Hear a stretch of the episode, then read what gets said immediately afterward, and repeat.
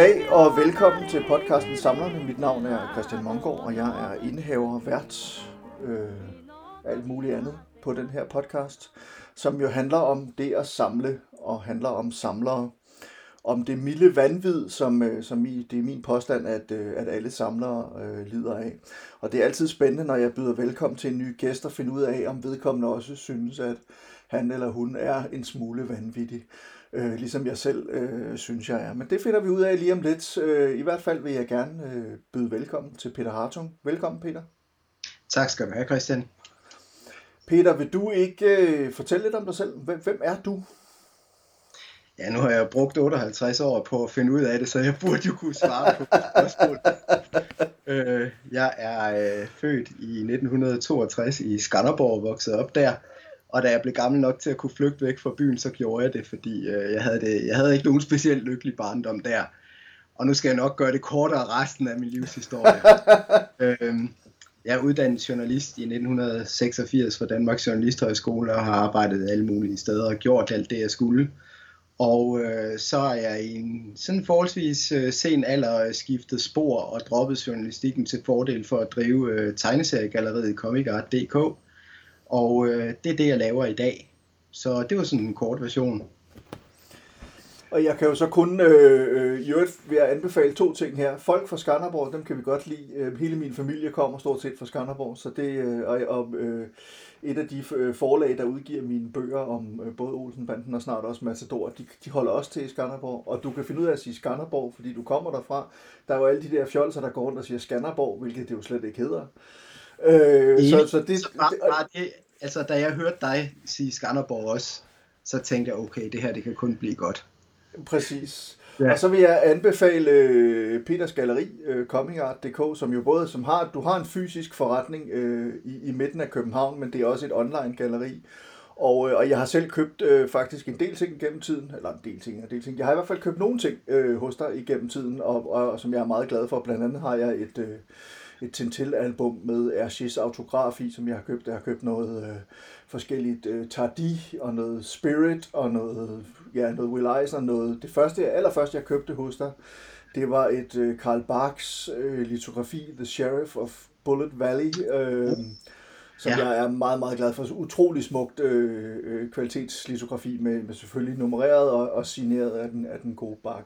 Så det er jo blandt andet nogle af de ting, du beskæftiger dig med. Altså, så, så jeg tror godt, hvis man sidder derude og, og, og lytter nu, så kan man måske godt begynde at regne ud, hvor det er, det, hvor det, er, det bærer hen af. Altså, det er noget med tegneserier, og det er noget med, med original tegneseriekunst. Peter, øh, hvad er det, du samler på så? Jamen altså, øh, jeg tror måske alligevel godt, jeg kan både overraske dig og, og andre, øh, som kender mig, eller tror, de kender mig. Fordi øh, jeg samler faktisk på oplevelser og på underholdning. Og øh, det er i hvert fald det, jeg bruger som undskyldning over for mig selv, at, øh, at det ikke er ting, jeg samler på, det er, det, det er oplevelser. Og det vil jeg godt uddybe, fordi øh, jeg startede egentlig oprindeligt som barn, øh, godt hjulpet af min far, med at samle på mønter og frimærker. Men det mistede jeg jo interessen for hen ad vejen, fordi øh, det var i virkeligheden lidt kedeligt at sidde der og fedt med de der små frimærker og sætte dem ned i nogle små lommer.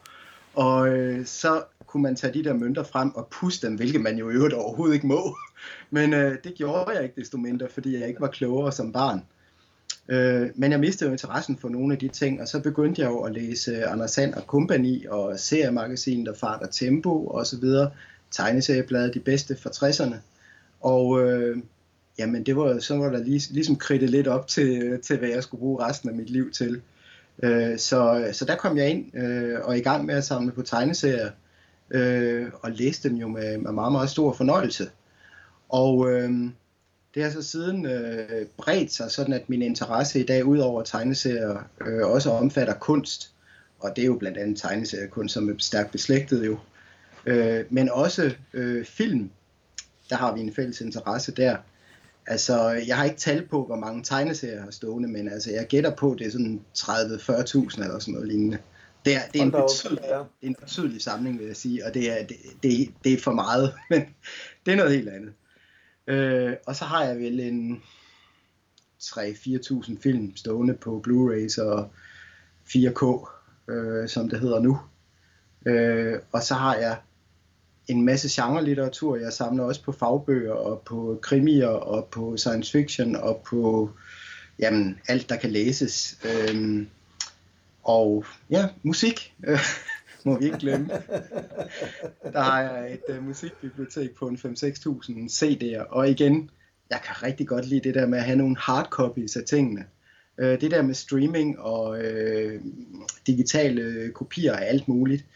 Folk, der læser tegneserier på deres skærm, i stedet for at sidde med den i hånden osv., det er sgu ikke mig. Altså, jeg, jeg ved ikke, om det er et generationsspørgsmål, eller om det er en sådan grund øh, måde at tænke på. Øh, men jeg har det altså i hvert fald sådan, at jeg godt kan lide at være omgivet af de ting, der betyder noget for mig. Og det gør min samling. Så sådan er det. Ja, ja men jeg, jeg har det jo selv øh, på præcis samme måde. Altså, jeg er, er lige præcis 10 år yngre end dig, øh, men, men, men vi tilhører jo sådan mere eller mindre samme generation i forhold til de der ting også, hvad det er for nogle tegneserier, undskyld, øh, hvad det er for nogle tegneserier og tegneseriehæfter og sådan nogle ting, vi er vokset op med. Men, men det der med hele den der øh, taktilitet, det, det, det, hænger vel også lidt sammen med det, du snakkede om til at starte med, altså at du samler på oplevelser. Altså jeg har det jo sådan, at jeg, jeg, jeg samler jo også på bøger, blandt andet øh, litteratur om og med øh, Sherlock Holmes. Og en af de ting, som jeg synes er enormt fascinerende, det er det der når man køber brugte bøger, gamle bøger eller brugte tegneserier for den sags skyld, det er, at man bliver en del af en historie på en eller anden måde. Man er med til at fortsætte en, en historie, man er med til at fortælle en historie, og det bliver også en oplevelse i sig selv, i hvert fald for mig øh, den der taktilitet, der ligger i det, og som, som jeg synes jo bestemt mangler, hvis man bare leger sin film via iTunes, eller køber dem via øh, bøgerne via Kindle, eller, eller tegneserierne via, hvad det nu end er for en app, man har til den slags. Ikke? Øhm, så, så, så jeg ved ikke, altså, der ligger der også øh, den der, det, der, den der, det der med, at man er med til at fortælle en historie, eller fortsætte en historie, er det også noget, er det noget, du kan genkende? Øh, ja, det synes jeg godt, jeg kan. Øh, og øh, ofte er det faktisk sådan, at øh, nogle af de fund, vi jo gør som samlere, når vi sådan færdes ude på loppemarkeder øh, i øh, antikvariater osv., hvor vi nu ellers kommer, øh, der, der husker jeg nogle gange, øh, når jeg tager en tegneserie frem fra min reol her, øh, hvornår jeg købte den, og hvor jeg købte den, og hvem jeg købte den af, og så videre, om jeg stod og snakkede med en eller anden i forbindelse med handelen, og så videre. Det er de mest mærkelige ting, man husker. Og øh, så øh, kom jeg faktisk til at tænke på, da du nævnte det der med, at en bog kan have en historie, som rækker ud over den, der har skrevet den og så videre. At der, der, der købte jeg for, øh, jamen det er jo nok 10 år siden, der købte jeg i USA på eBay øh, en, øh, en bog af øh, den franske tegneserie øh, tegner Jean-Claude øh, Messières, som øh, er kendt for Linda og Valentin. Øh, og øh, han havde lavet sådan en lille kunstbog, og øh, den faldt jeg for på eBay, og øh, jeg fik den så tilsendt. Jeg synes, jeg fik den til en ganske rimelig pris. Og da jeg så modtager den her bog og åbner den og får at kigge ind, jeg ved godt, det er en brugt bog, og det kan man også godt se på den, så viser det sig, at på, på, på titelbladet, der står der simpelthen en personlig hilsen skrevet af Jean-Claude Messias til My Friend Will Eisner. Og det var vildt hyggeligt. Altså, det var, det var som om den bog, den gik fra at være et øh, nummer i rækken, der skulle ind på reolen og nydes osv., til at være et klenodie og have en total historie, hvor jeg har siddet og tænkt på, hvornår mødtes de, og øh, hvad skete der, og hvordan er den her bog havnet et andet sted. Nu har vi Eisner jo desværre været død i mange år. Men øh, altså, det, det kalder jeg jo en skat, sådan en bog, fra at være bare en bog, øh, hvis du forstår mig ret. Ja. Jamen, jeg vil sige, jeg synes jo nærmest, det er helt sensationelt. Altså, det er jo fantastisk at finde sådan noget, og det er, altså, jeg har det præcis på samme måde. Altså, det der med, at man, man, man finder et eksemplar af en gammel bog, hvor der så er en signatur i, måske en lille personlig hilsen. Måske er der et ex libris, som, har, øh, som tilhører den, den tidligere ejer, eller en ejer før det. Altså, en del af det der Sherlock Holmes litteratur, jeg selv har købt, er netop også sådan noget, som øh, øh, tidligere Sherlockianere så har puttet deres ex libris i, eller signeret og dedikeret til andre Sherlockianere og sådan noget. Og det er jo, så det, så for mig der er det sådan meget det der med, at man køber en bog, man gerne vil have, så køber man første udgave, så begynder man at lede efter første udgaven så prøver man måske at opgradere sin første udgave ind til en pænere version, og så til sidst så prøver man at få fat i en første udgave, som også er signeret og dedikeret. Altså, så der er sådan nogle niveauer i det der med at samle os på den måde, som, så hvor historien bliver bedre og bedre for hver gang, synes jeg. Men det er også rigtigt. Øh, og det, jamen jeg tror alle samlere kan, har, har sådan nogle, øh, nogle øjeblikke i ens samlerliv, hvor man sådan øh, opnår noget, der ligner lykke rigtig meget.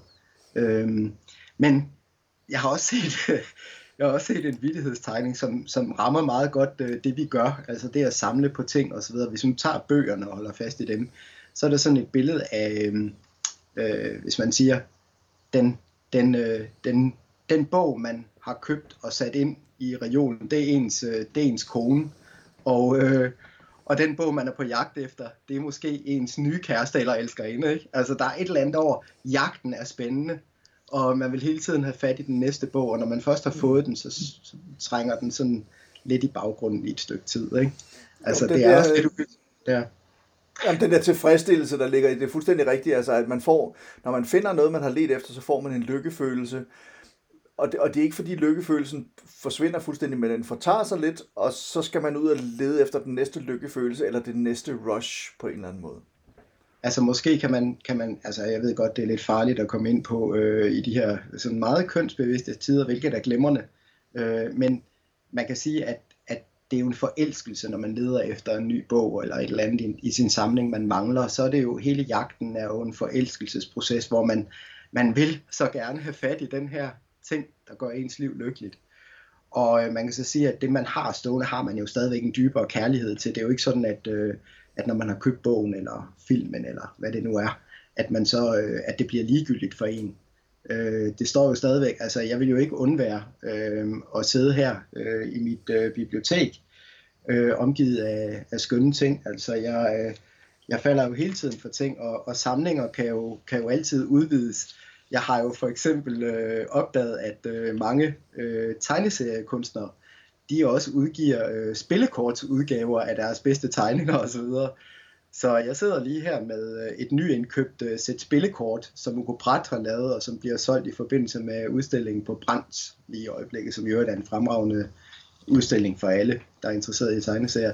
Og øh, så fandt jeg også et sæt spillekort frem, som øh, er øh, udgivet i anledning af øh, Tarzan-forfatteren Edgar Rice Burroughs øh, 100 års øh, øh, Art Chronology, der blev udgivet øh, sidste år.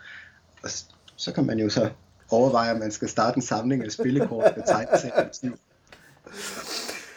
Øh, Peter, prøv, lad os lige prøve at bare skrue tiden lidt tilbage i forhold til det der med, øh, med i øvrigt kan jeg huske det der, du snakker om det der med mønterne, man ikke må pusse. Jeg kan huske, at jeg havde selv en møntsamling, jeg havde fået af, øh, min mors mand, for, for, altså, og vi snakker, dengang jeg selv var teenager, eller yngre endnu, altså jeg har været sådan 13-14 år, eller sådan et eller andet, 12-13-14 år, eller sådan noget, og jeg pussede og pussede og pussede, og til sidst så jeg jo fandme slidt, både emalje og alt muligt andet af de der mønter der, de endte jo med at være fuldstændig ubrugelige, ikke? det er jo forfærdeligt, men, men øh, det er utroligt sådan nogle fejl, man begår der, ikke? Altså, det der patina, det skal man bare lade være i fred.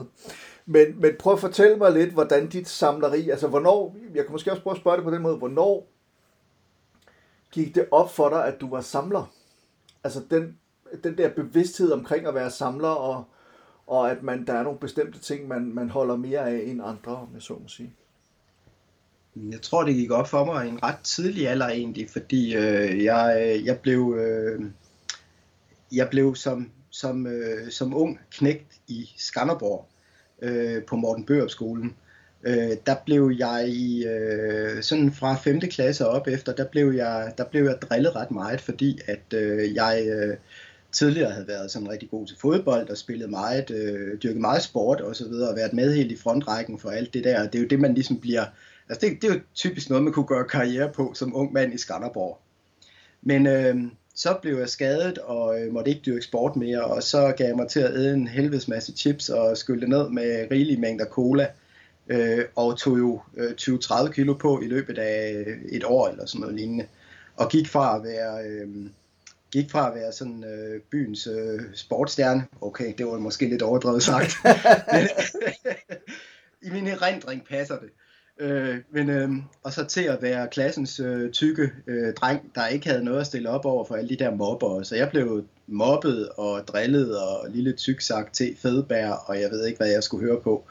Øh, og det gjorde faktisk, at jeg søgte tilflugt på skolebiblioteket, fordi at jeg fandt ud af, at der kunne de jo ikke mobbe, der skulle være stille inde, og der var en bibliotekar inde, som syntes, det var fedt, at der var en øh, knægt på, øh, på 12 år, der pludselig øh, blev fast øh, gæst.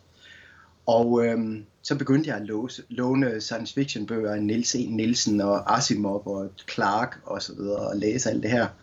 Øh, og det åbnede en, en hel masse verdener, bogstaveligt talt for mig.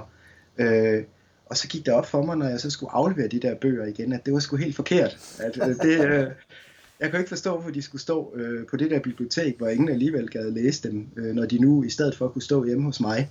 Og så kunne jeg jo så enten indlede, indlede, enten indlede en karriere som øh, bibliotekstyv, øh, eller overveje, hvordan man får fat i de her. Så fandt jeg ud af, at der var nogle, øh, nogle bogantikvariater, tegneserieantikvariater, øh, øh, også nogen kalder dem pornoantikvariater, hvor øh, dengang var det steder, hvor man kunne finde alt muligt smuslitteratur, triviallitteratur og tegneserier og science fiction bøger fra øh, Stig Velkærs forlag og så videre, stående øh, til næsten ingen penge. Sådan et havde vi også i Skanderborg, og så var der et godt et i Horsens. Så begyndte jeg at samle på det her, og jeg samlede i forvejen på, øh, på Anders Sandblad og Tarzanbladet og så videre. Og øh, at det, det blev faktisk for mig en, øh, en, en virkelighedsflugt, hvor jeg fandt en verden, jeg kunne øh, være tryg i øh, med mine samlinger, øh, og hvor jeg ikke skulle forholde mig til, at jeg øh, var en øh, social fiasko, øh, som blev drillet i skolen, og ikke havde noget modsvar øh, på det. Så jeg tror egentlig, det var det, der redde mig igennem min, øh, min barndom og min ungdom, at øh, jeg havde noget at gå op i. Øh, mm. Og så mm. kunne de der mobber ellers rende og hoppe. Øh, så det var nok på den måde, det kom ind i mit liv. Ja.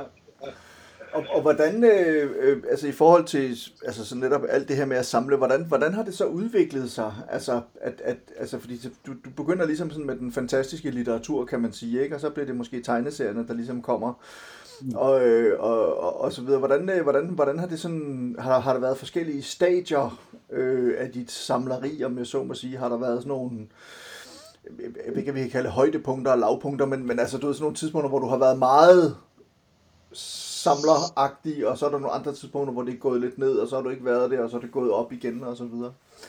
Kan du prøve at fortælle lidt om den, den, den bevægelse der? Ja. Jamen der tror jeg, at øh, da jeg så kom øh, på gymnasiet og fik travlt med at læse og så videre, og, og jage kvinder, øh, det, eller piger hedder det vel, øh, der, der tror jeg jo helt sikkert, at der, der var givetvis nogle år der, hvor jeg slap tegneserien lidt og, øh, og beskæftigede mig med at, at få noget uddannelse, og siden kom ind på Journalisthøjskolen i, øh, i 82 og øh, brugte nogle år på det, og øh, løb meget hurtigt og øh, synes jo, det var fantastisk alt det her, jeg kunne øh, få fingre i øh, som, øh, som journalist. Øh, da jeg så kommer ud øh, og starter på Fyns Amtsavis øh, i, på Midtfyn øh, i Ringe, der øh, finder jeg jo så ud af, at den her øh, Svendborg Avis, som det var dengang, de havde jo ikke nogen tegneserieanmelder. Og der, øh, der havde jeg jo alligevel stadigvæk bevaret den der kontakt til, til tegneseriemediet og så videre. Så jeg, jeg tænkte, det må jo være, det må jo være mig, der skal starte det. Så der begyndte jeg at anmelde tegneserier, og så kom de jo væltende fra forlagene, alle de her anmeldereksemplarer. Og det betød, at min, min samling lige pludselig, efter at have sådan ligget lidt stille i nogle år, pludselig begyndte at vokse ret, ret hurtigt. Og øh, jeg tror, det var det, der sådan øh, satte sat skub i anden del af min, min samlerkarriere, at jeg som voksen tænkte, jamen altså, det her, det er jo lige mig. Øh, og så begyndte jeg jo så at, øh, at gå på jagt igen for at lukke de huller, der var opstået de år, hvor jeg måske havde været optaget af andre ting. Øh, og jeg slap måske lidt, øh, på det tidspunkt tror jeg, jeg slap litteraturen og øh, dyrkede mere musik og film og sådan nogle ting. Øh, og øh, har først sådan senere i livet igen begyndt at samle på, på, på, bø, på bøger, litteratur.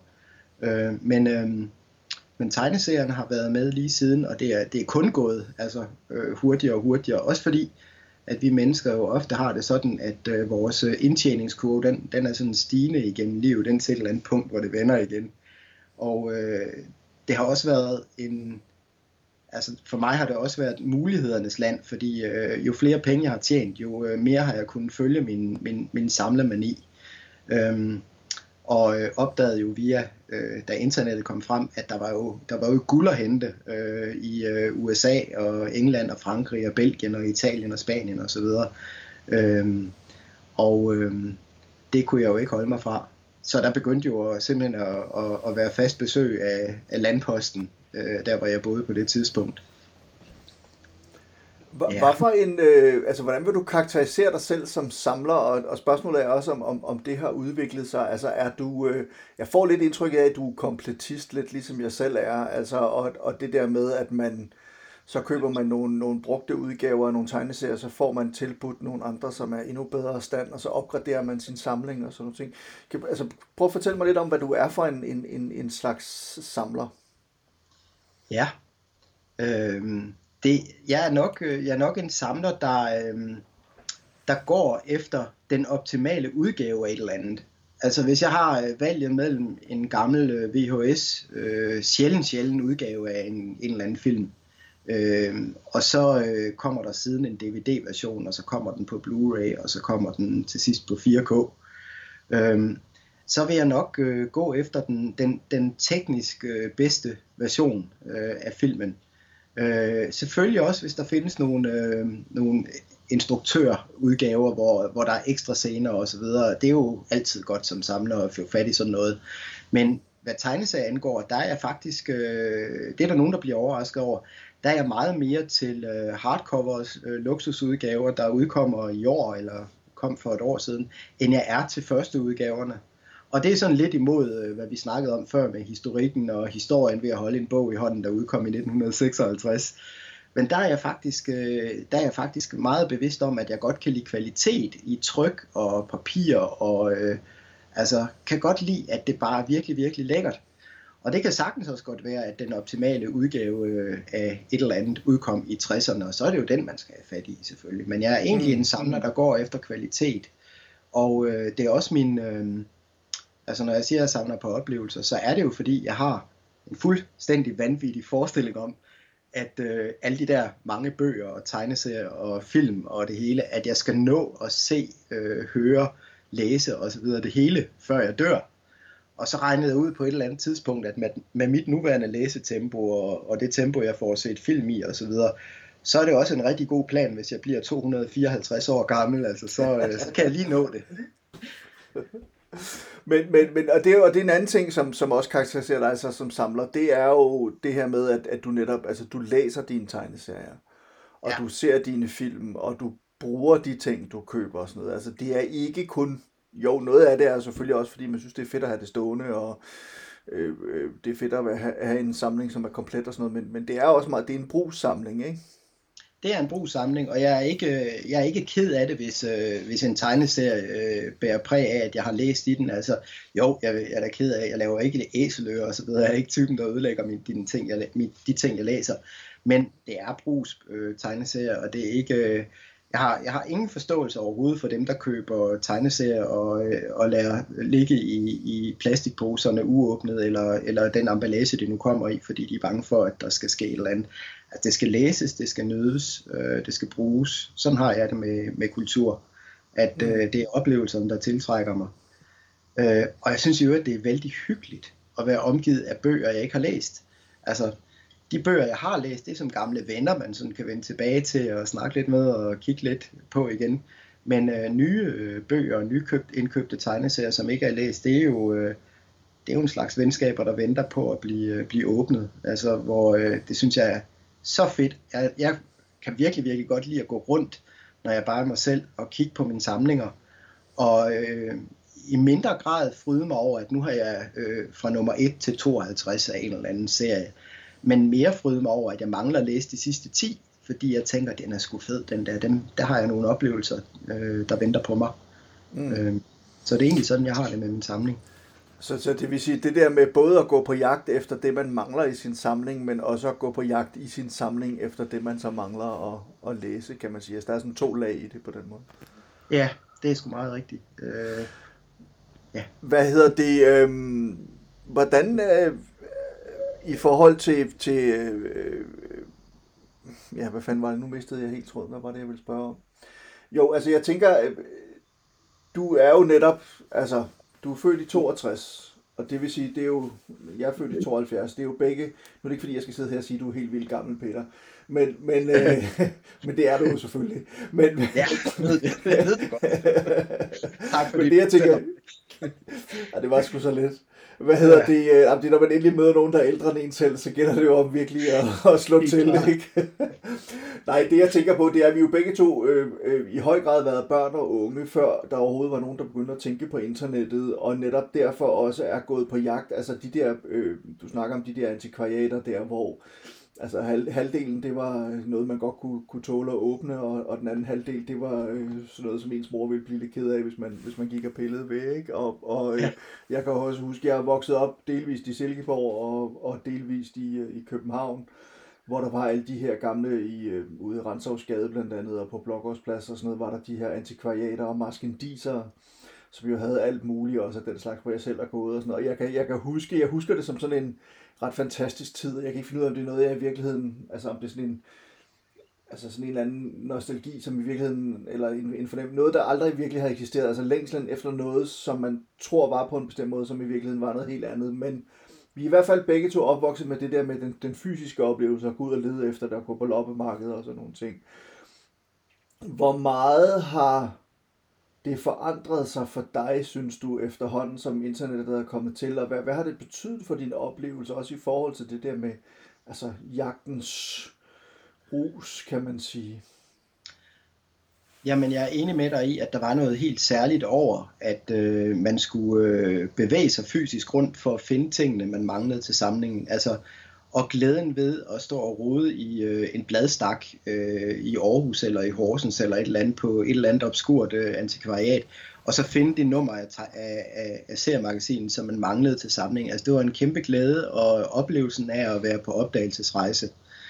Og øh, jeg tror, at øh, jeg har skulle vende mig rigtig, rigtig meget til, at den jagt nu foregår øh, øh, bag computerskærmen, hvor jeg... Øh, sidder og øh, surfer på øh, alle mulige øh, internationale steder osv.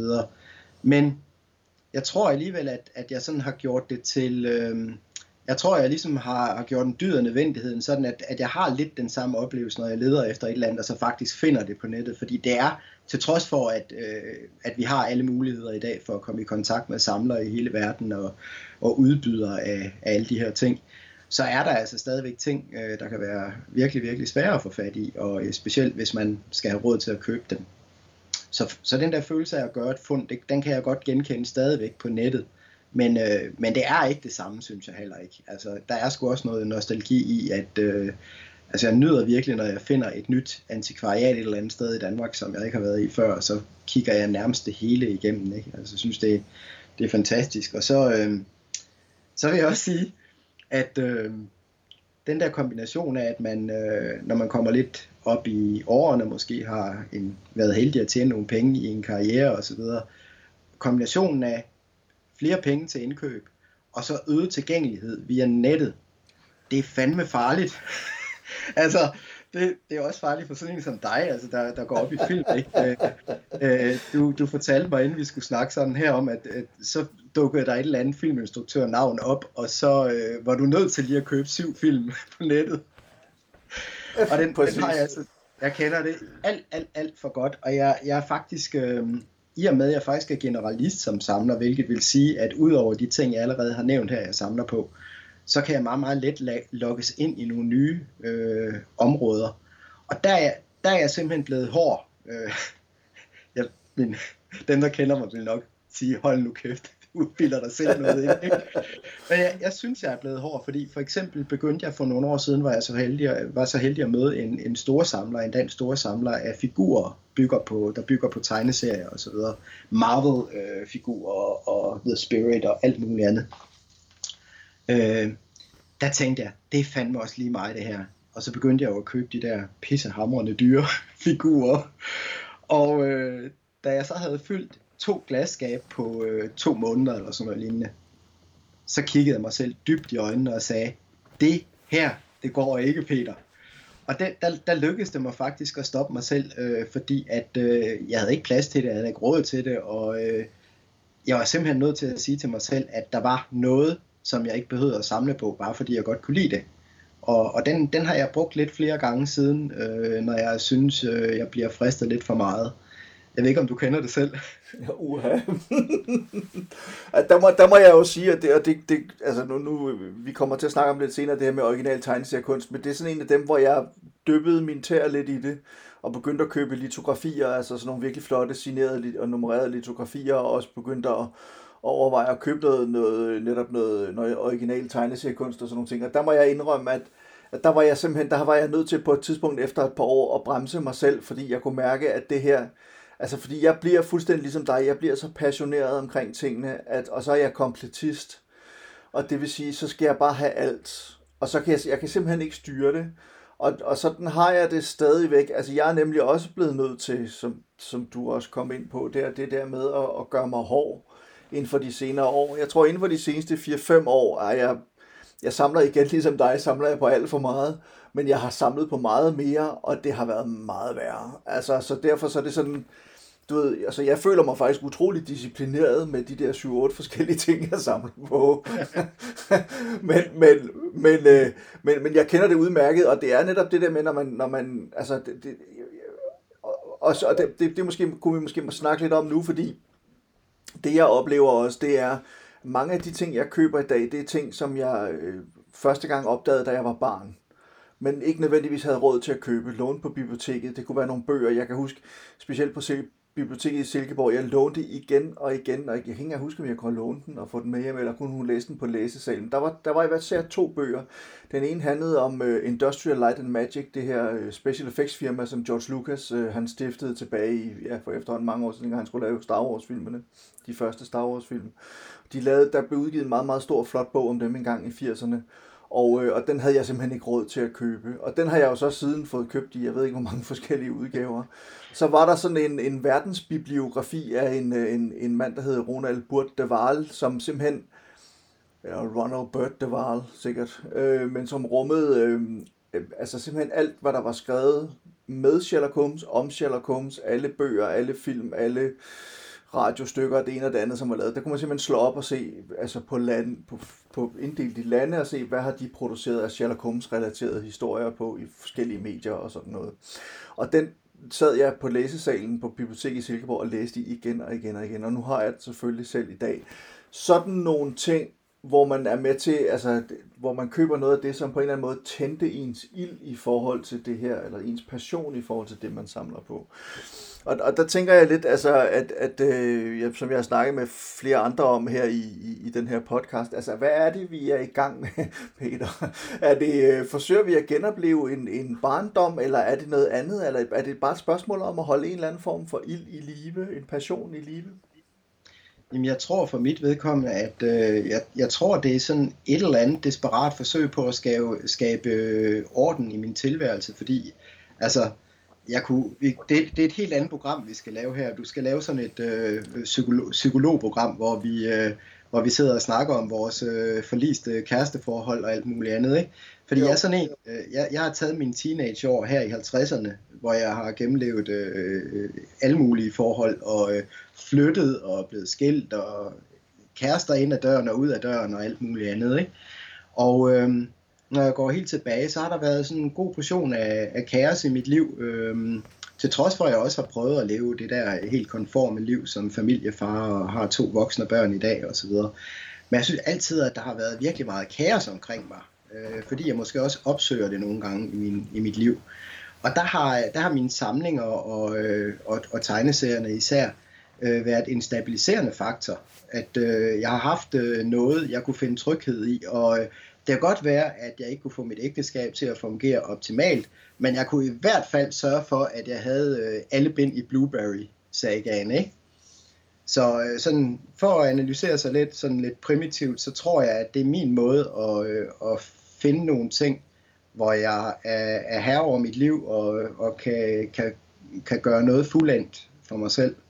Mm. Øhm, Ja. Jamen, jamen, jeg, det er jo, og igen, det er jo også noget, jeg, kan, jeg selv kan genkende. Altså det der med, at det kan godt være, der er kaos rundt om ude i verden, eller kaos i en anden del af mit liv, eller kaos på arbejdet, eller hvad pokker det nu måtte være.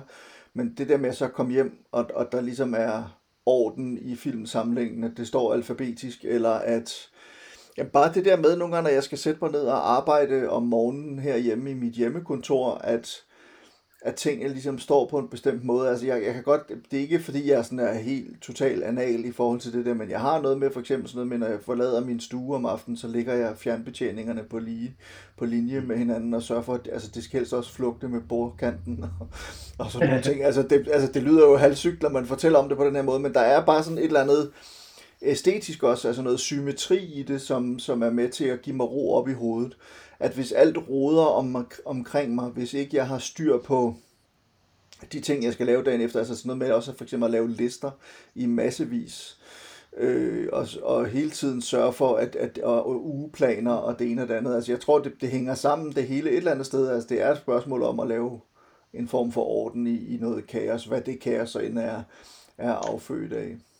Men der, der tror jeg så alligevel, vi er lige forskellige på det område, fordi øh, jeg er ikke sådan en, der, der har ekstrem orden i min samling og alt muligt, men jeg, jeg har følelsen af, at jeg har det, jeg skal have, øh, at øh, samlingen er komplet, eller noget i den retning, ikke? Øh, fordi jeg, jeg er ikke et specielt ordensmenneske, så det er ikke sådan, at mine ting, de sådan står sirligt alfabetisk, øh, eller sorteret efter farver, som jeg også har set samlere gøre, ikke?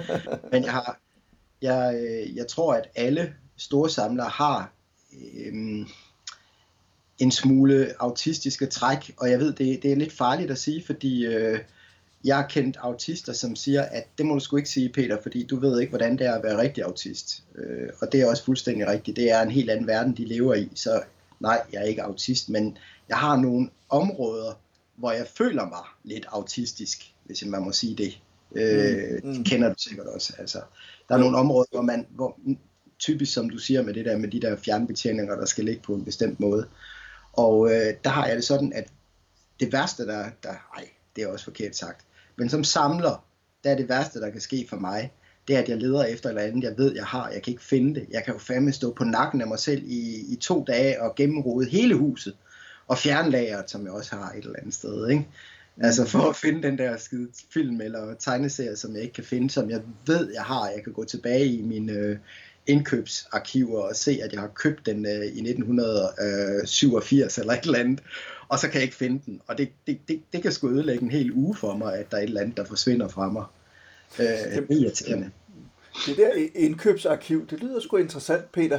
Så det vil sige, altså, øh, jeg tænker, det, jeg, altså, jeg, jeg har katalogiseret, for eksempel min Sherlock Holmes samling, den er katalogiseret. Hele min filmsamling er katalogiseret. Jeg ved præcis, hvad jeg har det er både for, altså fordi det er også det, jeg arbejder med i det daglige som, som filmredaktør på information og sådan noget, så jeg, ligesom, jeg er nødt til at kunne finde filmen og sådan noget. Tidligere kunne jeg ikke, jeg har også, jeg tror jeg har omkring 4-5.000 film stående øh, på Laserdisc, DVD og Blu-ray, og, og, og jeg, nogle gange har jeg ikke kunne finde det og sådan noget. Så nu står alt alfabetisk, og jeg har det hele registreret i en... Øh, i et program simpelthen, øh, noget der hedder Collectors, øh, og det vil sige, at jeg kan også, når jeg er ude og købe ting, eller bestiller ting på nettet, så sørger jeg altid lige for, trods alt, at tjekke den der app, jeg har, om jeg nu har det i forvejen, fordi jeg har godt nok mange gange kommet til at købe dubletter og sådan noget.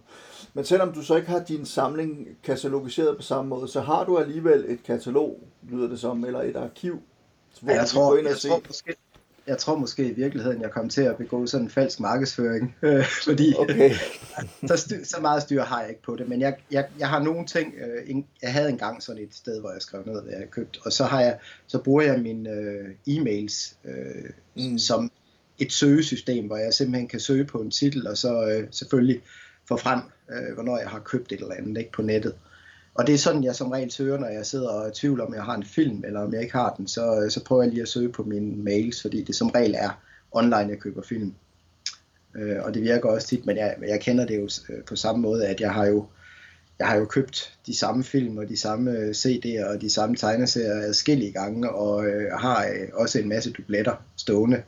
Og øh, ja, sådan er det bare. Det, jeg tager det sådan lidt øh, med oprejst pande, fordi at jeg ved godt, det er sådan, at jeg har ikke det der collectors øh, system, så jeg, så jeg bliver faktisk nødt til mere eller mindre at stole på min hukommelse, når jeg står derude, og det, det, det er forfærdeligt dårligt. det, øh, det er en farlig, farlig ting i min alder, og jeg, jeg er sgu ikke blevet bedre til at huske øh, gennem årene. Og så i øvrigt kommer jeg også til at tænke på det. Jeg, jeg, jeg, vil, faktisk, jeg vil faktisk sige, at jeg, jeg misunder faktisk sådan en som dig, fordi øh, det er mit indtryk i hvert fald, at øh, når, du, øh, når du dyrker et eller andet, så går du, og her tænker jeg måske nok især på, på, på det, du også udadtil er mest kendt for, nemlig filmene. Øhm, så går du jo i dybden med tingene og skriver en bog om det, og, og lægger så den bag dig og går videre til noget andet spændende, hvor du også får lavet en bog eller et eller andet. Jeg har måske den svaghed som samler og menneske, journalist, et eller andet, at jeg er generalist, øh, og det vil sige, at øh, jeg får sgu aldrig rigtig taget mig sammen til at gå rigtig i dybden med noget. Jeg bliver sådan en, der, der, der har læst øh, øh, de fem mest kendte bøger af en forfatter, eller ah, på film kan jeg godt gå lidt i dybden og se øh, hele striben, ikke? Men, øh, men jeg har den der oplevelse af, at jeg er så hvide øh, begærlig, at jeg, øh, at jeg hele tiden skal have nogle, nogle nye kicks øh, og nye ting at kaste mig over.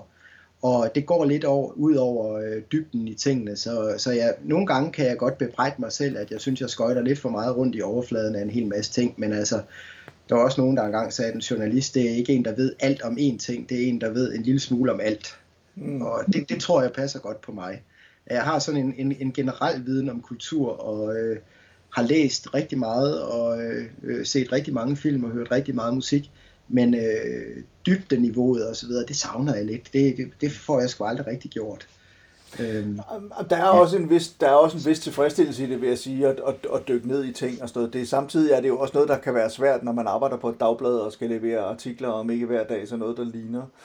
Øh, men, men jeg har det sådan lidt det der med, når jeg, altså nu er jeg jo så også en meget specialiseret journalist på den måde, altså som, som filmanmelder, tv, øh, tv-anmelder og sådan noget, øh, og skriver lidt om, jeg har også skrevet, skriver også om tegneserier og sådan noget indimellem, men, men det er sådan, at hvis jeg skal skrive om en filminstruktør, øh, også selvom jeg kender vedkommendes værk rimelig godt, så går jeg altså tilbage, og så prøver jeg at se så meget, som jeg overhovedet kan af vedkommendes øh, arbejde, før jeg, før jeg overhovedet går i gang med at, at, at skrive, og det er Altså det er sådan både min professionelle stolthed, der byder mig at gøre det, men også bare fordi jeg er nysgerrig, og så kan man sige, så er det så også, at jeg ender med at bruge, jeg ved ikke hvor lang tid på det, det, altså den pågældende artikel, og jeg i virkeligheden er meget mere tid, end jeg egentlig i gåsøjne har, kan man sige. Ikke, ikke i forhold til, at jeg skriver forholdsvis hurtigt og sådan nogle ting, men forberedelserne tager, tager virkelig lang tid. Og det samme, altså, når jeg skal anmelde en tv-serie, jeg nøjes jo ikke med at, altså hvis jeg har mulighed for det, nøjes jeg ikke med at se de tre første afsnit, så ser jeg en hel sæson, før jeg anmelder den.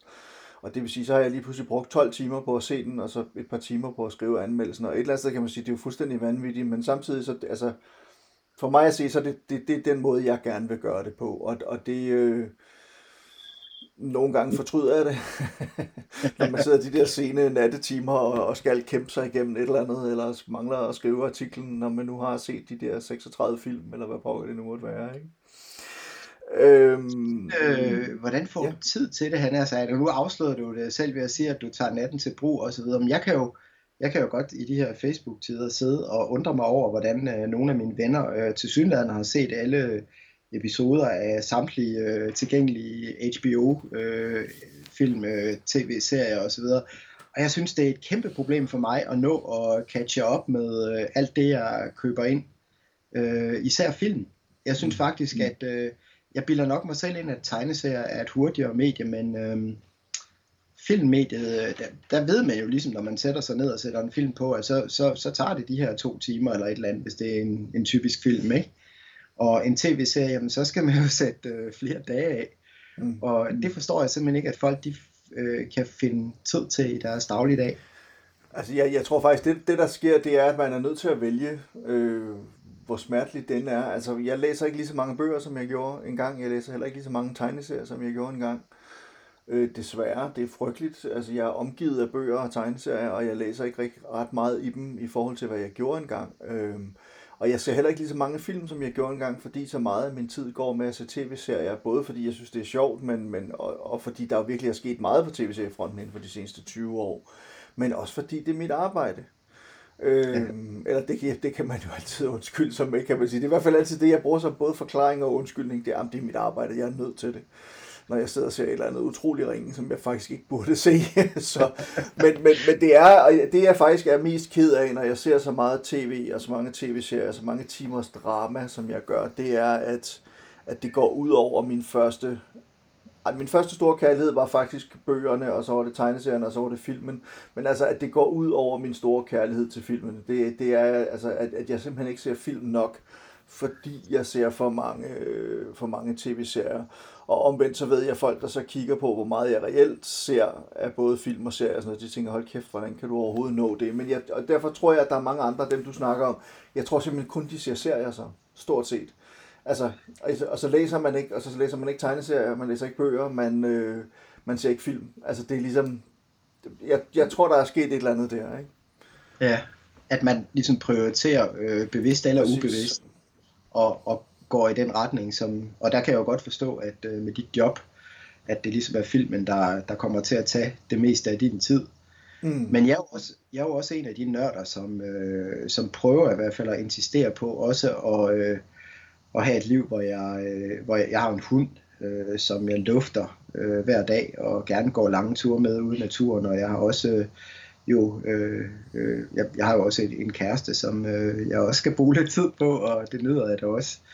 Og øh, jeg, jeg prøver ligesom at insistere på, at man godt kan være en øh, mega nørd og, øh, og store samler, og så samtidig øh, gøre nogle af de ting, som i citationstegn er normale. Øh, og, øh, og, og så alligevel kan jeg jo godt jeg kan jo godt se, sådan som jeg lever mit liv, at, øh, at det bevæger sig mere mere i den der retning, at, øh, at jeg også bruger mere og mere tid på mine øh, samlinger og på øh, for eksempel, altså nu hvor vi snakker om at samle på blade, for eksempel tegneserieblade, dem havde jeg helt opgivet allerede for en 20-30 år siden og tænkt, det fedeste for mig, det var hardcover udgaver, ikke? altså deluxe øh, udgaver, hvor jeg kunne sådan sidde der med de her flot indbundne bøger osv. Så, videre så kom jeg jo til at gøre noget forfærdeligt her for øh, 8-9 måneder siden, nemlig at rydde op på mit loft.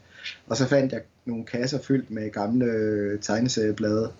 Øhm, og så gik det jo op for mig, at de burde jo være i sådan nogle bags and boards, som samlere går op i, fordi de skal jo bevares for eftertiden, de her blade. Så de skal jo ned i sådan nogle øh, beskyttende lommer og øh, have øh, sådan et stift øh, stykke pap om bag sig, og så lidt tape på, og så kan de komme ned i en kasse, hvor de så kan stå til tid og evighed og være sikret for fremtiden og for mig. Og da jeg først havde lukket den dør op, jamen så øh, har jeg sådan set brugt det meste af min fritid nu i 8-9 måneder på at købe og øh, købe udstyr øh, til opbevaring af arkivmaterialer, og så øh, bagge og borte al, hele min tegneseriesamling. Og det, det, har, det har været helt forfærdeligt, fordi øh, jeg vidste simpelthen ikke, hvad jeg tog fat i der. jeg har været, jeg sidder stadigvæk og gør det, og øh, jeg, jeg synes, øh, jeg bruger uendelig meget tid på det, og der, der er det virkelig gået op for mig, meget jeg faktisk har af gamle tegneserieblade, og så er jeg jo selvfølgelig begyndt at så finder man selvfølgelig ud af, at der mangler nogle numre øh, i, i rækken af, af blade, ikke? og så er man altså selvfølgelig nødt til at, at, at få fat i dem. Så det er sådan lidt evighed.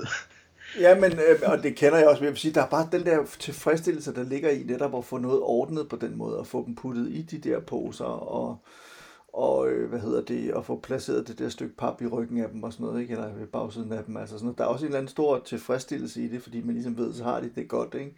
Det er ligesom at passe, passe, passe godt på dine venner. Det er meget sjovt, du snakker om det der med arkivmateriale. Jeg blev for nogle år siden gjort opmærksom på, jeg kan sgu ikke huske, om det var... Øh, Marvel Morten, Morten Søndergaard, der gjorde mig opmærksom på det, eller hvem pokker det nu var, men der findes et, et, øh, et firma, eller kan det have været dig, Peter? Det kan jeg sgu ikke huske. Der findes et, et firma i USA, der hedder Gaylord. Øh, det er et fantastisk navn i øvrigt, men, men, øh, men som, som øh, simpelthen, altså det, det eneste de laver, det er arkivmaterialer. Det er, det er udstillingsmontre til, øh, til, altså lige fra udstillingsmontre til museer og, og, øh, og gallerier og smykke, øh, hvad hedder det, forretninger og sådan noget, og så er det til øh, altså opbevaring af, af bøger og af papirer til arkiver og alt muligt andet. Og det er simpelthen det er den ene gang om året, hvor man får det der store øh, katalog ind ad døren fra Gaylord. Det er, det er sådan en ren emballage, arkivalie, øh, porno. Altså, det er simpelthen fantastisk. Og jeg, der er ikke noget, jeg elsker mere end en god papkasse. Som, altså, du ved, den måde, for eksempel, når man køber, altså nu har jeg meget øh, Apple-udstyr, og når man køber en ny øh, bærbar computer, så får man dem jo sådan nogle, øh, fra Macintosh, så får man jo sådan nogle kasser, så hvor, hvor låget lige glider meget, meget fint af det samme, når man køber en iPhone, eller hvad pokker det nu måtte være. Altså, der er bare sådan en eller anden utrolig tilfredsstillelse i det også. Så jeg vil ikke sige, at jeg samler på emballage, men, men, men, men, men der er bare sådan et eller andet... Skal du ikke skamme dig over det, det er okay her. Eller, du må godt, du må godt indrømme det. Græd bare ud her, det er okay. Ja, på, øh, på, på, dok, på Dr. Hartungs øh, Brix. Øh, så. Sig det, jeg vil vide det hele. men det er nemlig... Ja, så gør du. ja, præcis. Der, men der er bare sådan et eller andet, der er et eller andet øh, sjovt med det der med emballage også, og med, men, eller også bare den måde, man opbevarer sine ting på. Altså jeg har også sådan nogle, øh, de der øh, boxes, der både nogle short, jeg tror jeg har nogle short boxes med, med tegneserier i. Jeg har ikke så mange øh, tegneseriehæfter. Jeg solgte en kæmpe samling, dengang jeg var øh, lige omkring de 18, 19, 20 år, eller sådan sige, havde jeg en kæmpe samling af amerikanske Marvel-hæfter og sådan noget, som jeg solgte hele lortet af. Det er nok noget af det, jeg fortryder allermest i dag, men har så ligesom valgt ikke at følge den samling op, og så nu samler jeg på nogle andre ting, men jeg har stadigvæk noget, som jeg så ligesom putter ned i, øh, i, i sådan nogle ting, og det synes jeg er en, er en, er en stor fornøjelse. Øhm, Peter, inden vi, vi begynder at snakke om det, der jo sådan set er din levevej i dag, kan man sige, så, så øh, øh, kunne jeg godt tænke mig lige at spørge, i forhold til det der med, når du samler, altså du er jo rimelig aktiv også på Facebook i forskellige grupper, og du har stiftet Øh, du har været med til at stifte Tintin-fans øh, og tegneseriefans øh, grupper på, øh, øh, på, på Facebook og sådan noget, og, og er også med i, og følger sikkert også med i nogle af alle de her køb- og salggrupper og så videre, der findes ja. derude. Hvordan, øh, hvordan ellers, altså har du et stort netværk af folk, du kommunikerer med, og, og som hjælper dig med at samle, og som du måske også kan hjælpe den anden vej i forhold til at samle og sådan noget. Og på den måde kan man sige, der kommer vi jo også lidt til at arbejde os hen imod det, altså hen imod comicarts.dk øh, simpelthen, ikke? Men, men øh, prøv at fortælle mig lidt om, om, om det her, om, om, om dine connections. Du behøver ikke afsløre, hvad det er for nogle connections, du har, men, men hvis du forstår, hvad jeg mener.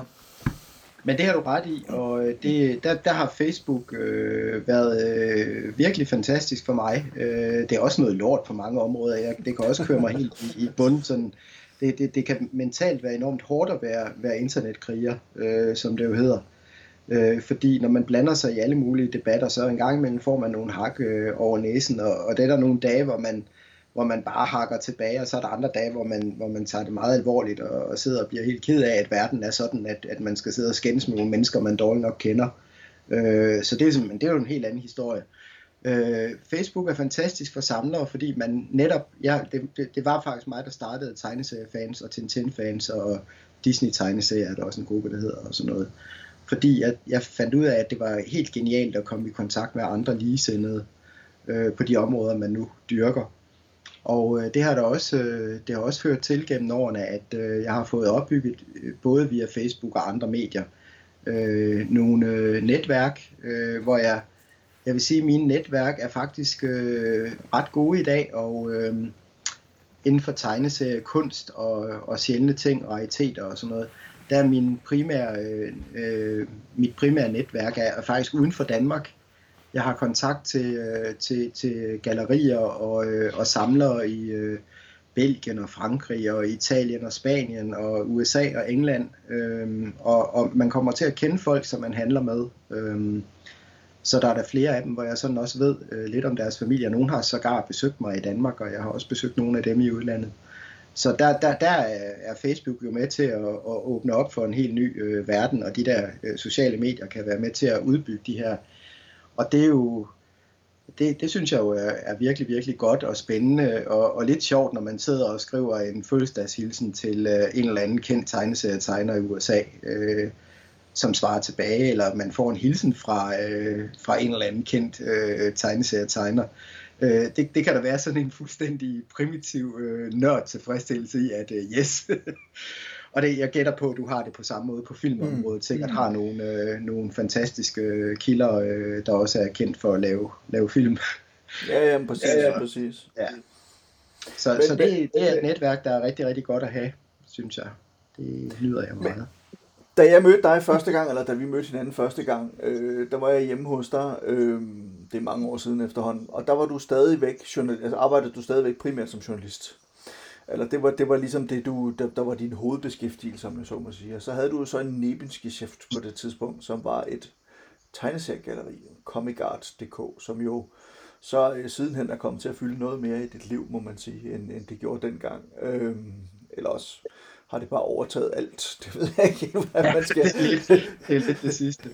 Ja. altså, det er jo, øh, man siger jo ellers, at man skal passe på med ikke at gøre ens øh, hobby til sit arbejde, men det, det, det, det har du jo også gjort, og det har jeg også øh, gjort.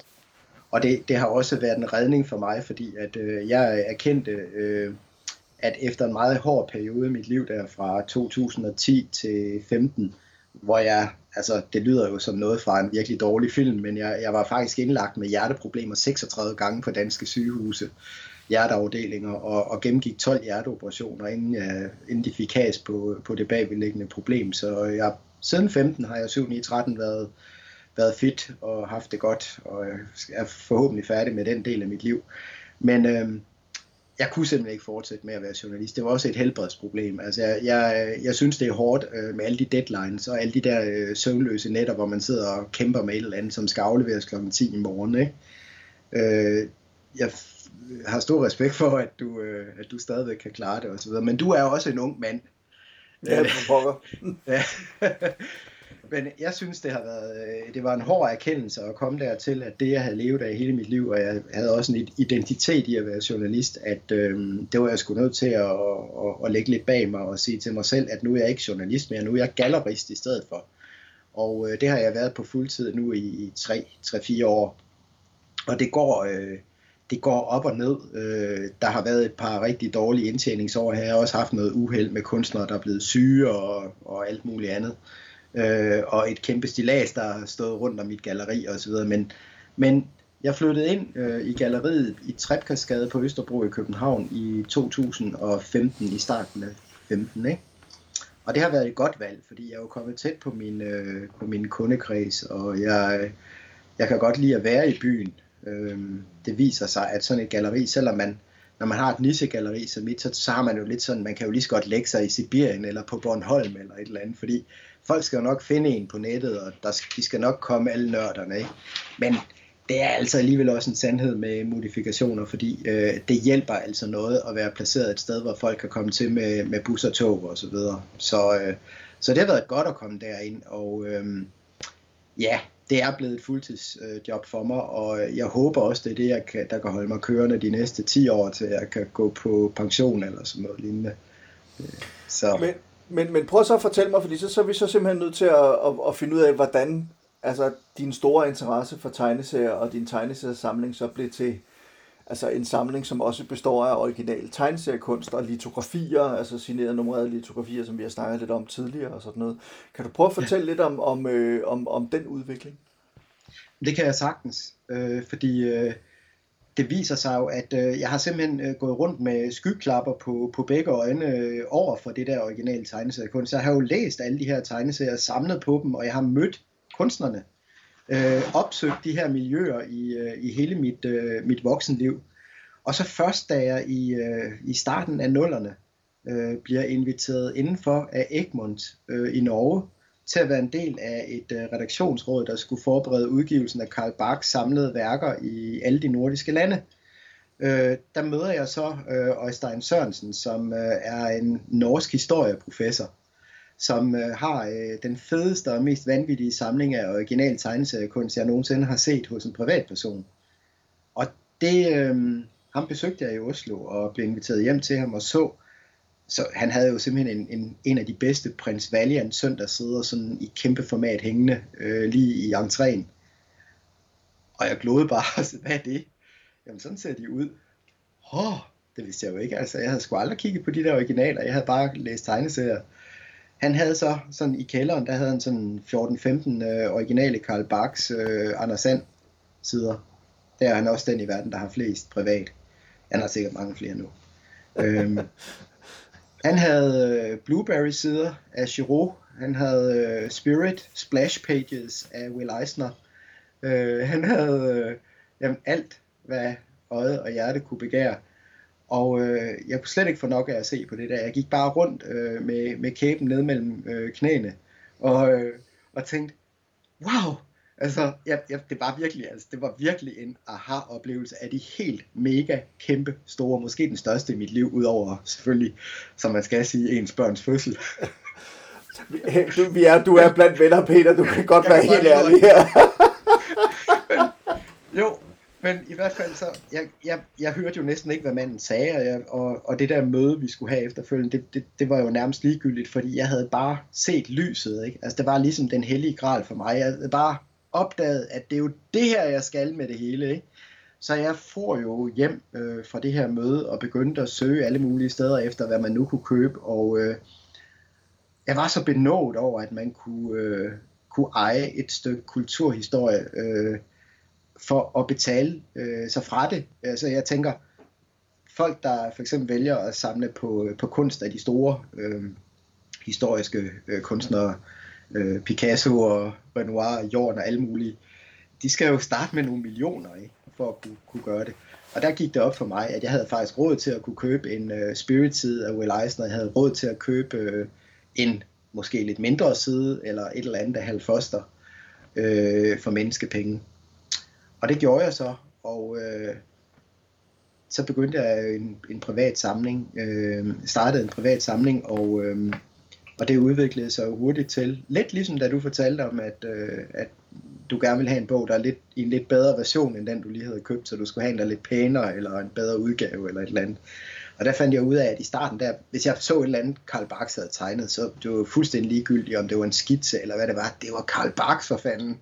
Så jeg købte jo et eller andet og så senere, så ser man noget, der er endnu federe og endnu dyrere, og så begyndte jeg jo faktisk at finansiere min nye opkøb ved at sælge øh, de gamle ting, jeg havde købt i første ombang, ombæring.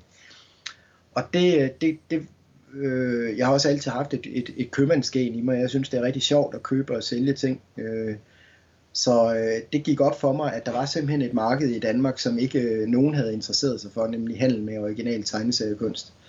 Og det begyndte jeg så at gøre først i det små, du ved, hvor jeg øh, sådan handlede privat med folk, og så, øh, så startede jeg ComicArt.dk øh, som en webshop i 2006, og så et fysisk galleri i Hillerød i 2009. Og så øh, har det så været et par steder, før det så endelig fandt, fandt øh, hjemsted i, på Østerbro i København. Men øh, min egen samling øh, har egentlig øh, udviklet sig på meget speciel vis, fordi øh, jeg, jeg startede på samme måde, som, øh, som jeg har fortalt, jeg har mit forhold til, til tegneserier, bøger, film osv., som, som generalist. Men det gik jo op for mig, da jeg begyndte at handle med tingene, at, øh, at det, det dur bare ikke at have en butik, øh, hvor indehaveren han beholder alt det fede selv. Altså, jeg får ikke lide af det for fanden. Hvis jeg, hver gang der kommer noget fedt ind, så vil jeg sige, Ah, det her, den kan jeg sgu ikke sælge igen. Den skal hjem i samlingen, hjem øh, op på loftet, op i en skuffe. Ikke? Så jeg, jeg måtte simpelthen øh, igen være hård ved mig selv, synes jeg, og sige, nu må du fandme fokusere på, hvad du selv går op i af det her. Der, der valgte jeg helt tilbage for altså de her 10-15 år siden og, og sige, jeg samler på Modesty Blaze, som i mine øjne er verdens bedste tegneserie af, af Peter O'Donnell og Jim Holdaway, en avisserie fra, fra 60'erne, øh, som er helt fantastisk. En, en, en krimiserie med en kvindelig øh, hovedrolleindehaver, som øh, for mig er det, det, det vildeste. Ikke? Altså der, der, der er jeg jo så siden fået samlet, så jeg i dag har omkring 500 af de der 2200 originalstriber, som Holdaway lavede i sin tid. Og vi snakker helt, ja, vi skal ikke snakke penge her, fordi det, det koster rigtig, rigtig mange penge at lave sådan en samling. Og det har jeg været heldig at, at, at have penge til på det tidspunkt af mit liv, hvor jeg gjorde det. Mm. Øh, men det samler jeg på, og jeg samler på Will Eisner, øh, prøver at få fat i nogle fede spirit ting og så videre. Øh, og så samler jeg lidt på Karl Barks, men på en lidt atypisk måde, fordi øh, jeg har øh, erkendt, at hans øh, originale sider øh, fra Anders Sand og Onkel Joachim og så videre, de, de er simpelthen for dyre. At de koster øh, i dag øh, flere hundrede tusind. Og øh, det vil sige, at øh, jeg fandt ud af, at øh, jeg havde det rigtig fint med at købe hans øh, malerier, som ikke havde Disney-motiver, men for eksempel et landskabsbillede øh, fra et eller andet præ-landskab i USA osv. Der har jeg en del øh, originale Barks oliemalerier, øh, som slet ikke koster det samme, som Disney-billederne gør. Men det er sådan en sær lille ting, at det, det, faktisk synes jeg, at det er øh, for mig, at jeg kommer tættere på, øh, på Barks via de her øh, oliemalerier, fordi han øh, rent faktisk har sagt mange, mange gange i interviews, øh, at øh, Disney, det var et, altså det han lavede for dem øh, via øh, Western forlaget, alle hans tegneserier, det var, det var noget, han gjorde for pengenes skyld. Altså han, han, jo, han, han lagde også sin sjæl og, og sin kreativitet i det, men det var, det var jo ikke ham selv, han udtrykte der. Det var, det var noget, han gjorde, fordi han blev betalt for det og hyret til at lave det. Mens han øh, senere i livet, da han begyndte at male, der fandt han jo en kæmpe glæde i at sidde øh, ude på prærien og male små huse, og hvordan vinden bevæger sig i, i præriegræsset og så videre, og prøve at male sig ind i, i, i de her universer. Så de billeder betyder noget for mig, og øh, også mere end Disney-billederne faktisk ville have gjort. Så, øh, men, men igen, jeg har faktisk været en, det er, nu, nu er vi virkelig øh, i, i bekendelseshjørnet her, jeg har faktisk været en virkelig, virkelig dårlig tegneserie kunstsamler, fordi min smag, måske fordi, jeg tror du kender det selv øh, som øh, filmanmelder og, og ekspert, at man udvikler nogle, øh, man udvikler nogle niche-interesser inden for, for filmmediet, eller i mit tilfælde tegneserien, som gør, at det alle andre sådan anser sig for at være det helt fantastisk bedste osv., jamen det er jeg faktisk sådan lidt ligeglad med, så jeg har, jeg har altid købt øh, obskure ting af halvukendte kunstnere. Hvis jeg havde brugt i starten alle mine penge på at købe Aché originale tegninger med Tintin, eller Karl Barks, eller øh, Blueberry øh, af Giraud osv. Jeg købte ingenting af alt det her. Jeg købte øh, Dennis Sear og øh, Jim Holdaway og alle mulige andre ting, som ikke er afsted i øh, vidderlig, ikke meget i hvert fald, øh, i, i pris siden. Mens øh, de der top ting, som jeg nævnte før, de er jo gået fuldstændig amok. Altså, hvor man kunne have tjent millioner, hvis man var gået ind for 20 år siden og havde købt Aché. Øh, men sådan er det. Det skal man ikke græde over. men, men, men er det i virkeligheden ikke også øh, øh et godt råd til, til nybegynder samlere, om jeg så må sige, at hvis man gerne vil begynde at samle, altså det, man skal, man skal samle på det, man har lyst til at samle på. Man skal ikke samle på det, man tror vil få en værdi om 10 år eller om 20 år. Altså, det er jo fint nok at tænke på sin tegneseriesamling eller sin bogsamling eller et eller andet som investering, men hvis det er det, der driver samlingen, så kan man jo gå hen og blive sørgelig skuffet, fordi altså, hvad fanden skal man så læse i, hvis man kun har købt det for investeringsskyld og egentlig ikke gider læse bøgerne, så er det jo lidt dumt, ikke?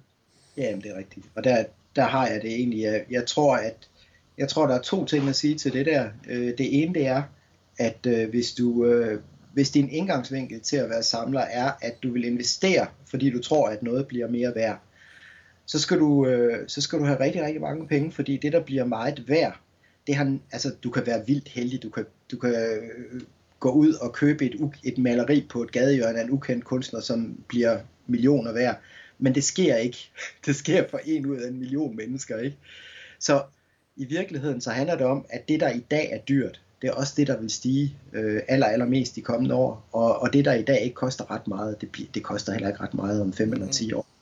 Og det, og det, det er den indgangsvinkel, hvis man vælger investorens indgangsvinkel til kunst for eksempel, og herunder tegneseriekunst, så er du nødt til at, at simpelthen at gå ind og sige, jeg nåede ikke at være med fra starten, øh, da ting kostede 5.000 kroner, nu koster det 100.000, men det er stadigvæk den bedste investering, fordi det er også det, der vil stige rigtig meget øh, af og så videre. Ikke? Men aldrig har jeg gjort det på den måde. Så, så der er vi tilbage ved det, du siger, at øh, køb med hjertet. Køb noget, øh, der betyder noget for dig, og, øh, og som du finder glæde i at have hængende på din væg, eller tage frem fra skuffen, skuffen og kigge på. Det er i hvert fald det, jeg har gjort. Altså, så øh, det, er, det er to veje at gå. Ja, og hvordan, øh, nu, du, øh, nu, du har faktisk været lidt inde på det et par gange her, men, men du startede med at sige, at, øh, at det er nogle af de der ting, man kunne købe for, for, for det, du kaldte menneskepenge. Øhm, og, og, og vi ved jo godt, hvad det er. Altså, det er jo simpelthen ting, som, som, som man har råd til og sådan noget. Du snakker også om det her med Jim Holdaway og sådan noget. Altså, at selvfølgelig har det kostet penge at, lave en, at, at få en samling på 500 striber, men, men, øh, men ikke lige så meget, som hvis det var 500 originalsider af, af Karl Barks eller, eller, eller Hergé eller sådan noget af den stil. Men jeg har også fornemmelsen af, at siden du begyndte på det her med, med den originale tegneseriekunst der i starten af, af, af 2000'erne, af nullerne, at der har det også, altså det er eksploderet det der marked, det er jo blevet helt vand, altså og det har jo også noget, det har jo selvfølgelig også noget med internettet at gøre, men det har også noget at gøre med, tror jeg, at vores generation, altså de mennesker, der er vokset op med mange af de her ting, de er kommet i den købestærke alder og har pludselig fået penge mellem hænderne og vil gerne ikke bare have den tegneserie, de læste som barn, men også den originale side, som er trygt i den tegneserie, de havde som barn. Jeg ved ikke, om, om, om, om, om, om, det, er en rigtig, om det er et rigtigt resonemang, men det er i hvert fald en teori om, hvad det er, der er sket igennem de seneste 20 år. Jamen, du har fuldstændig ret. Altså, jeg, jeg vil sige, at øh, folk, der leder efter originale tegninger af en bestemt tegner, eller køber et eller andet dyrt osv., det er næsten altid drevet af noget nostalgi. Altså, det er de ting, øh, som folk har læst selv, da de, øh, da de var yngre, øh, eller som de læser nu. Altså, det er, det er sådan meget... Øh, noget, man har et personligt forhold til, og, og som man så gerne vil have øh, et eller andet repræsenteret af på ens væg. Og det er også typisk noget, man skruer op for, når man tjener penge. Ikke? Altså det, jeg har også unge øh, kunder på galleriet, og i øvrigt både mænd og kvinder, øh, i, øh, og, og folk i alle aldre. Men der er nok alligevel en, en overvægt af, af mænd i øh, sådan fra 30-40 op efter til 60-70. Øh, det, er, det er der, det største øh, segment er inden for, for folk, der samler på tegneseriekunst.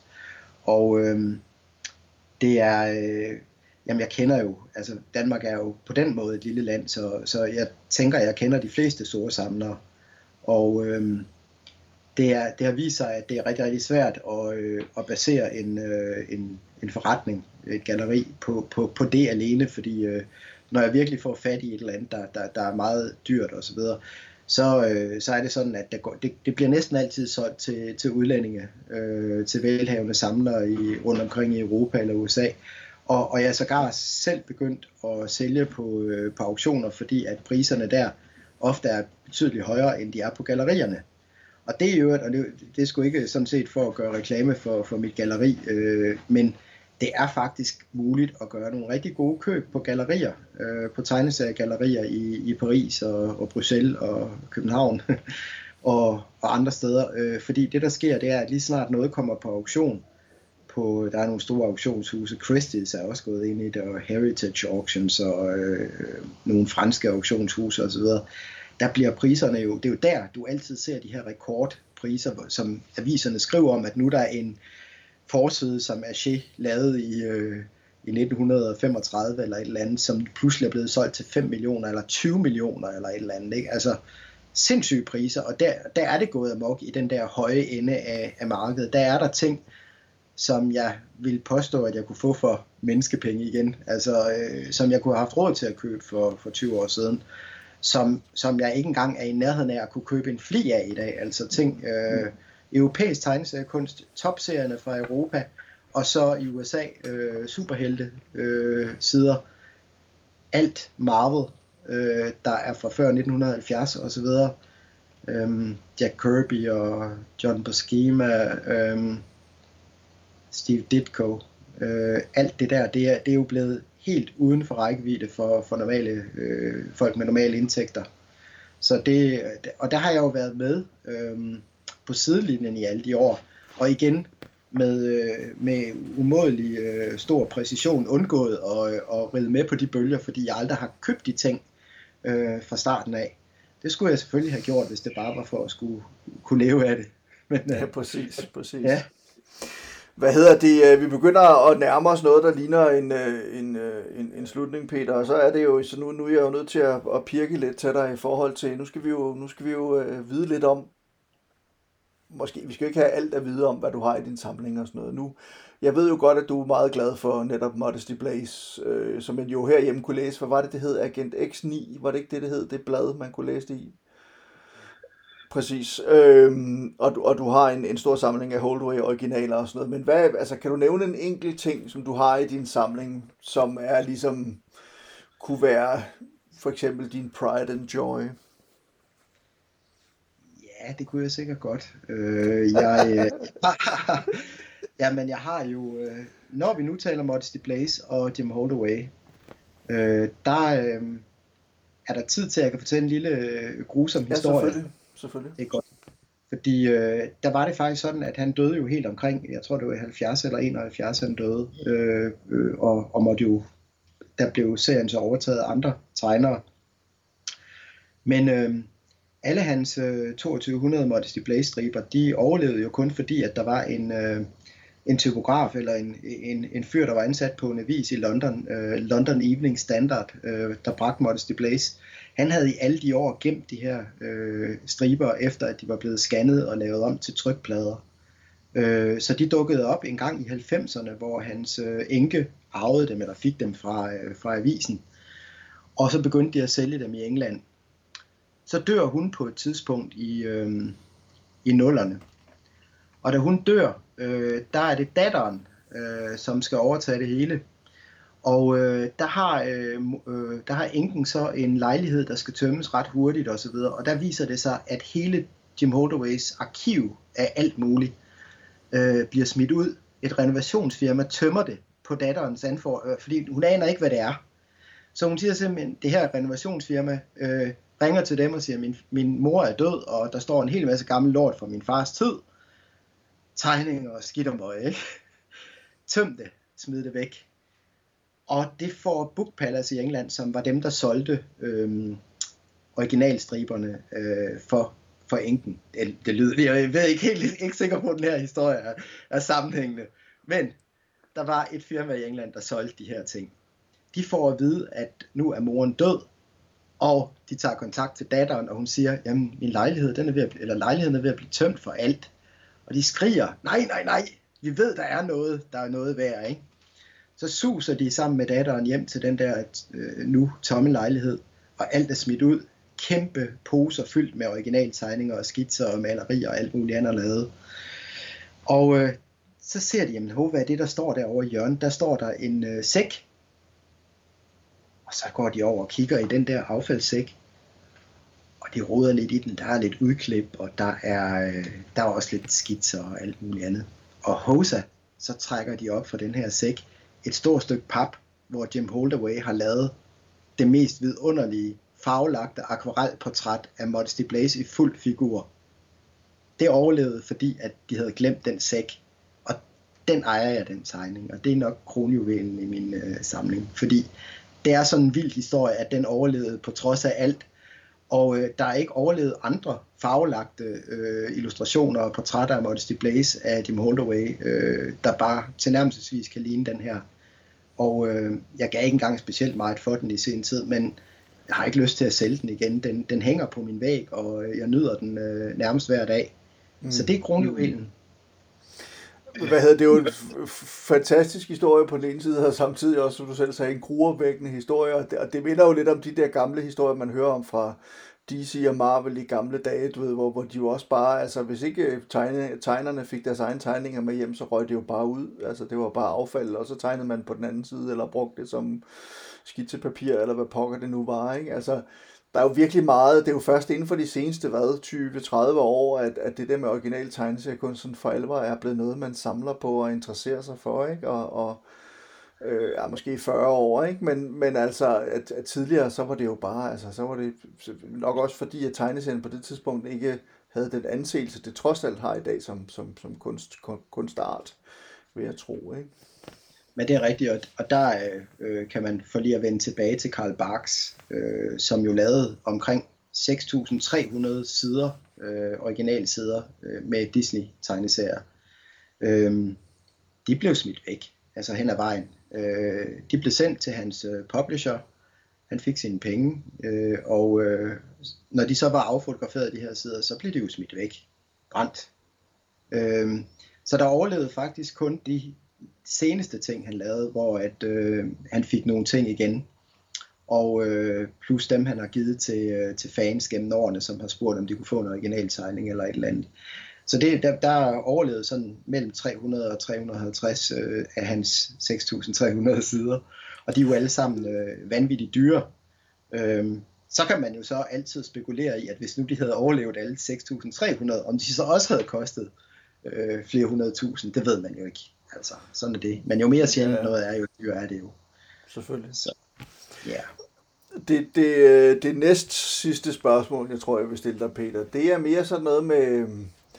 Jeg har forberedt dig lidt på forhånd, men, men øh, den store hvide val, altså øh, som den gode kaptajn Ahab fra, øh, som jagter Moby Dick. Øh, hvad er der? Hvad er kaptajn Hartung? hvad er han på? Hvad har han endnu ikke fået spidet, som han virkelig godt kunne tænke sig at spide? Ah, men vi er jo igen, altså vi er jo langt ind i noget nørderi her.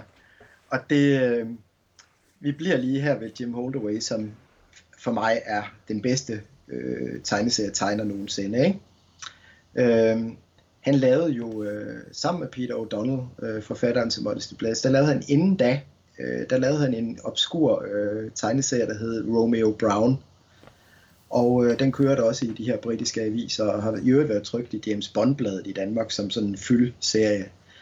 Og øh, der er ikke overlevet den eneste af de her Romeo Brown. At der, der, de findes ikke simpelthen. De er efter historien at, at dømme alle sammen blevet brændt eller smidt væk, eller hvad ved jeg, ikke? Og øh, der har jeg stadigvæk sådan en eller anden fuldstændig naiv fantasi om, at et eller andet sted er der nogen, der har gemt en stribe, som jeg så får fingre i på et tidspunkt. Øhm, fordi det kunne jeg rigtig godt tænke mig. og, og det var den ene ting, jeg, jeg søger. Og den anden ting, det er lidt mere realistisk, og så alligevel ikke. Det er øhm, en, af, en af de øh, bedste episoder af Monster Blaze, er, hedder The Vikings, Vikingerne, som var den første, jeg læste. Så er vi tilbage ved nostalgien. Den var med i øh, den store comics, den store bog om tegneserier nummer 5, der kom på dansk øh, der i, i 70'erne. Og der læste jeg den der, det var den første gang, jeg stødte på Monster Blaze, og læste den her historie om vikingerne, om Magnus, den grumme viking, som øh, altså en kriminel bande, øh, anført af Magnus, som så kommer op og kæmper med mod Modesty Blaze og Willy Garvin, hendes højre hånd. Og øh, den har jeg simpelthen sat mig for, at hele den episode på 118 striber, den øh, vil jeg forsøge at samle. det er jo komplet sindssygt, og nu er vi tilbage. Du startede med at spørge, om vi, om vi er sådan helt normale i knolden, ikke? Øhm, jeg tror det ikke, fordi så vil man opgive sådan noget. Altså, jeg, jeg har samlet over 70 af de her gamle striber, øh, og øh, de koster øh, hver især et sted mellem 2500 og 10-12.000 kroner for de bedste, ikke? Og der er, der er altså sådan noget retning af en 48 stribe tilbage, øh, som jeg ikke ejer. Og jeg køber, jeg køber tre eller fire om året, hvis jeg er heldig. Øh, fordi jeg opsøger jo via nettet, øh, det gode ved samler er, at nogen de praler lidt af, hvad de ejer. Øh, og så finder man frem til dem, og så siger de, det vil jeg ikke sælge, og så siger man, at jeg vil godt give ekstra meget for det, og så siger jeg, det vil jeg ikke sælge, og så lægger man et eller andet vanvittigt beløb på, på bordet, og så sælger de der alligevel nogle af dem. Men nogen gør ikke. Øh, så derfor ved jeg allerede nu, at jeg har fået nej fra en 4-5 samler, så det er jo et håbløst projekt. Jeg kommer jo aldrig til at eje 118 striber i, øh, fra The Vikings. Men det kan være, at jeg når 100 på et eller andet tidspunkt, og det vil jo være en kæmpe, kæmpe, kæmpe, kæmpe succes for mig. Sådan er det. Jeg, jamen, jeg, jeg tænker også, at, at, at altså, det der jo også er lidt i det med, med Captain Ahab, det er jo, altså nu, øh, hvis han nogensinde får fat i Moby Dick, hvad så? Ikke? Hvad fanden skal han så bruge sit liv på? Altså det er jo også det der med den der besættelse, man har, eller den der samlermani, man har, eller det der milde vanvid, at det jo på en eller anden måde også hele tiden skal fødes, og, og jeg tror også lidt, det er lidt ligesom, det jeg har tidligere her i podcasten sammenlignet med sådan en hej, Altså man siger jo om en at når den går i stå, så dør den. Ikke? Den skal hele tiden bevæge sig fremad, og sådan tror jeg også lidt, at, at vi samlere, vi har det, at, at vi går hele tiden efter et eller andet, og den dag, hvor en samling er komplet, og det bliver min samling aldrig, og det har jeg fornemmelsen af, at det gør din samling heller aldrig, fordi du er så meget generalist også. Altså, vi samler på så mange forskellige ting. Ikke? Men, men, men netop det der med at, at have sådan noget som de der 100, hvad sagde du, 118 øh, ja tegninger eller, eller striber, man går efter. Altså, det er jo også det er jo, det er jo ret fantastisk. Jeg har for eksempel sådan noget, jeg er kompletist med øh, øh, det, der amerikanske firma Criterion, som udgiver DVD'er og Blu-rays og tidligere udgav øh, Laserdiscs. Jeg vil have alt, hvad de har udgivet på Laserdisc, DVD og Blu-ray. Og jeg er godt på vej til snart at have alle deres Blu-rays. Det, der mangler måske kun 50 ud af de 600, de nåede at udgive. Ikke? Wow. Men, men altså, du ved, og så skal jeg så, og så køber jeg køber hele tiden nye Blu-rays, og, så, og så, så er der DVD'erne, jeg mangler og sådan noget. Så det kommer til at være mange år, før jeg er færdig med det. Og når jeg så engang når i mål med det, så er det jo selvfølgelig en tilfredsstillelse, og det kan selvfølgelig også godt være, at det så bliver en skuffelse, fordi hvad fanden skal man så jagte efter? Men så har jeg altså bare så mange andre ting, ikke? Men jeg tror, det er vigtigt at have de der ting, man jagter. Det var egentlig det, jeg vil sige, sådan lidt er omveje. Jamen så nu øh, mod slutningen af, af den her podcast, så, så, så kunne vi jo godt øh, lige løfte os lidt op øh, på de højere luftlag og, og så sige, at, øh, at jeg tror da, at, øh, at min måde at samle på, altså den her, den her øh, jagt på, på at gøre øh, The Vikings øh, komplet, at det bliver en, en, en livsopgave for mig, og øh, jeg håber egentlig heller aldrig, at jeg når i mål med det, fordi så, jeg, jeg har lidt sådan, at jeg har noget at leve for. Jeg har forhåbentlig andre ting at leve for, ellers så ser det virkelig sort ud. Men, men det er en måde at, at, at bekæmpe døden på. Altså, at, at man hele tiden ser fremad mod noget, man skal. Øh, det øjeblik, vi mennesker mister et mål i livet, så, øh, så, så kan vi sgu lige så godt lægge os til at dø stille og roligt ikke? Og, og syne hen. Øh, så vi samler, vi har til, fordel, til forskel for, for rigtig mange andre mennesker, vi har måske ikke bare et stort mål, men 10 delmål osv., som holder os i gang. Øh, og, og selv på de dage, hvor man ikke rigtig ved, hvad man skal lave, så har man alligevel et mål at kæmpe efter og, og, og nå. Og øh, det tror jeg faktisk er menneskeligt rigtig, rigtig sundt. Så det er ikke, det er ikke kun øh, sådan en, en, en, en art sindssyge, at man er samler. Det er faktisk også noget, der holder en i gang. Øh, og en god motivationsfaktor, som gør, at øh, vi satser på alle os, der samler, og bliver rigtig, rigtig gamle og leve et lykkeligt liv omgivet af bøger, tegneserier og kunst. Det var meget, meget kloge ord faktisk, jeg synes, vi skal slutte på her, Peter. Det, jeg er fuldstændig enig med dig. Øh, Peter Hartung, øh, jeg vil gerne sige tak, fordi du var med i dag. Tak fordi jeg måtte være med. Det var en fornøjelse, Christian.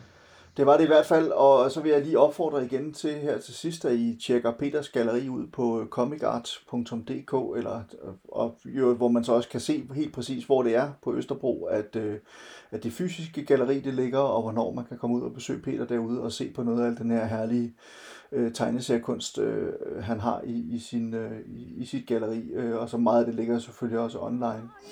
Og så vil jeg gerne sige øh, tak til jer, alle jer derude, der lytter med og, og bakker op omkring podcasten og sådan noget. Hvis I skulle have lyst til det, og det håber jeg da meget, I har, så gå endelig ind og anmeld podcasten. Øh, eller giv den nogle stjerner, helst mange af slagsen, inde på der, hvor I nogle gange lytter til podcasts. For eksempel iTunes eller, eller Apple Podcasts, som det vist hedder i dag. Det vil jeg blive meget glad for. Vi er, eller jeg er snart tilbage med en ny gæst her i, øh, i podcasten Samlerne, og indtil da, så må I have det rigtig godt og samle videre på livet løs. Tak skal I have.